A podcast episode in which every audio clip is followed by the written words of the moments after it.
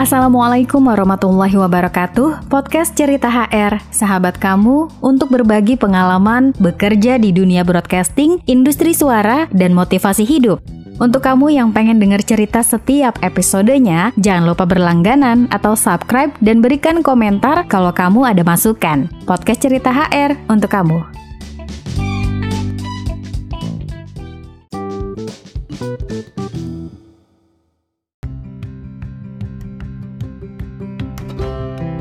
Hai Hana Zens, gue cuma pengen bercerita di bulan Agustus 2022 ini. Kalau di bulan Agustus adalah bulan kemerdekaan bagi plus 62 alias Indonesia, tapi di awal Agustus hingga 6 Agustus 2022 ini adalah bukan kemerdekaan bagi gue. Kenapa? Karena gue menghabiskan waktu di kamar hanya untuk update medsos atau media sosial, gue scrolling Instagram, gue lihat hiring-hiring yang ada di mana-mana, lowongan kerja di perusahaan mana pun, kemudian juga gue search searching job street apakah ada pekerjaan yang cocok buat gue seperti voice over, pengisi suara, ataupun seorang kreatif floor director di perusahaan mana pun. Event organizer juga gue searching, siapa tahu aja gue bisa jadi kru dari mereka. Tapi sampai tanggal 6 Agustus 2022 belum juga gue ketemuin hal yang cocok. Kegiatan gue juga sekarang sedang melakukan pendekatan, melihat peluang, main-main ke TV merah yang menjadi impian gue, program religi, tapi belum ada progres, masih tahap awal awal, kemudian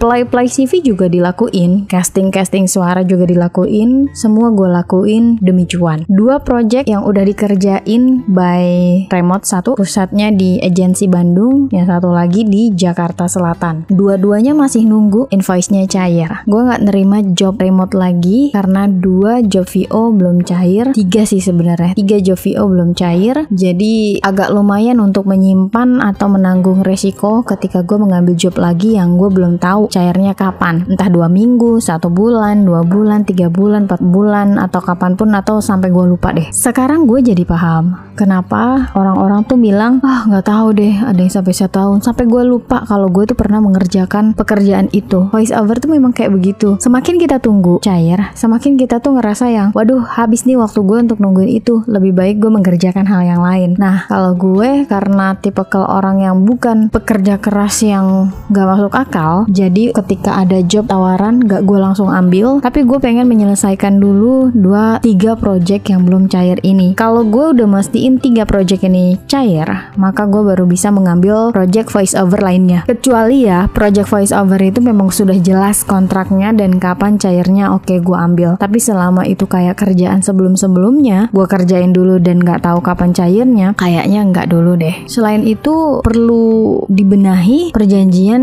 kerjasama antara talent dan juga pemberi kerjaan kayaknya. Karena selama ini selain kita susah nego bukan susah sih eh, nggak uh, tahu gimana cara nego dengan klien yang memberikan pekerjaan kita juga terjebak dalam pekerjaan yang tidak ada kontraknya atau MOU-nya sehingga untuk nagih pun agak nggak berani ada rasa nggak enak dan lain hal sebagainya. Belum ketika kita mengerjakan project itu orangnya baik banget gitu kan. Kayak ngasih makanan ngasih minum ngasih keleluasaan untuk kita izin bisa dikerjainnya besok atau mungkin uh, agak sore kita bisa mengerjakan di tempat yang lain gitu pagi sampai siangnya di situ. Kayaknya beberapa faktor itu yang ngebuat talent untuk susah menagih hasil haknya setelah menyelesaikan pekerjaannya sebagai voice over perlu ada yang dibenahi dan perlu ada keberanian serta kepercayaan diri untuk menanyakan itu di awal. Kayak misalnya uh, berapa fee yang akan didapatkan dengan durasi per jam kah per kakak atau yang lain sebagainya. Kemudian bagaimana sih sistem kerjanya apakah harus diselesaikan sampai project itu selesai kemudian proses revisinya bagaimana paymentnya kapan dan seperti apa mekanismenya. Kayaknya itu semuanya harus dibicarain di awal sebelum kerjaan jalan. Tapi bagi seorang voice over pemula itu biasanya kita justru gak mau nanya sedetail itu. Yang penting kita tahu kerjanya apa dan kapan dikerjain nominal fee yang akan diterima itu sekian. Padahal ada poin-poin penting yang harus kita ketahui. Kapan pembayaran itu akan diterima setelah kita bekerja secara profesional sesuai dengan tuntutan si pemberi pekerjaan. Poin ini kayaknya mesti dijadiin konten yang harus disepakati bersama antara talent dan juga pemberi pekerjaan. So, kita harus memberanikan diri untuk mencari poin-poin ini, menyatakan poin-poin ini di awal. Meskipun kita nantinya akan ketakutan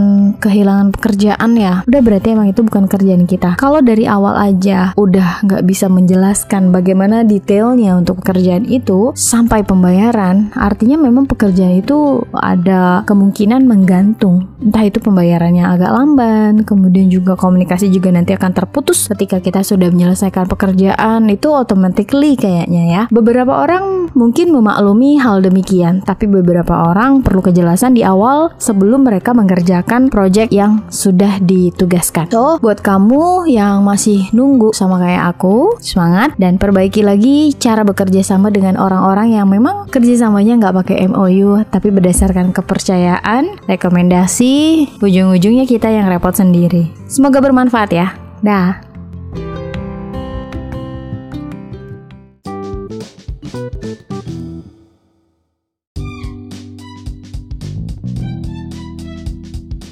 Terima kasih sudah mendengarkan podcast Cerita HR dengan setia. Semoga apa yang dibagikan tadi bisa bermanfaat dan memotivasi kita untuk lebih baik lagi setiap harinya. Saya Hanari Tonga. Wassalamualaikum warahmatullahi wabarakatuh.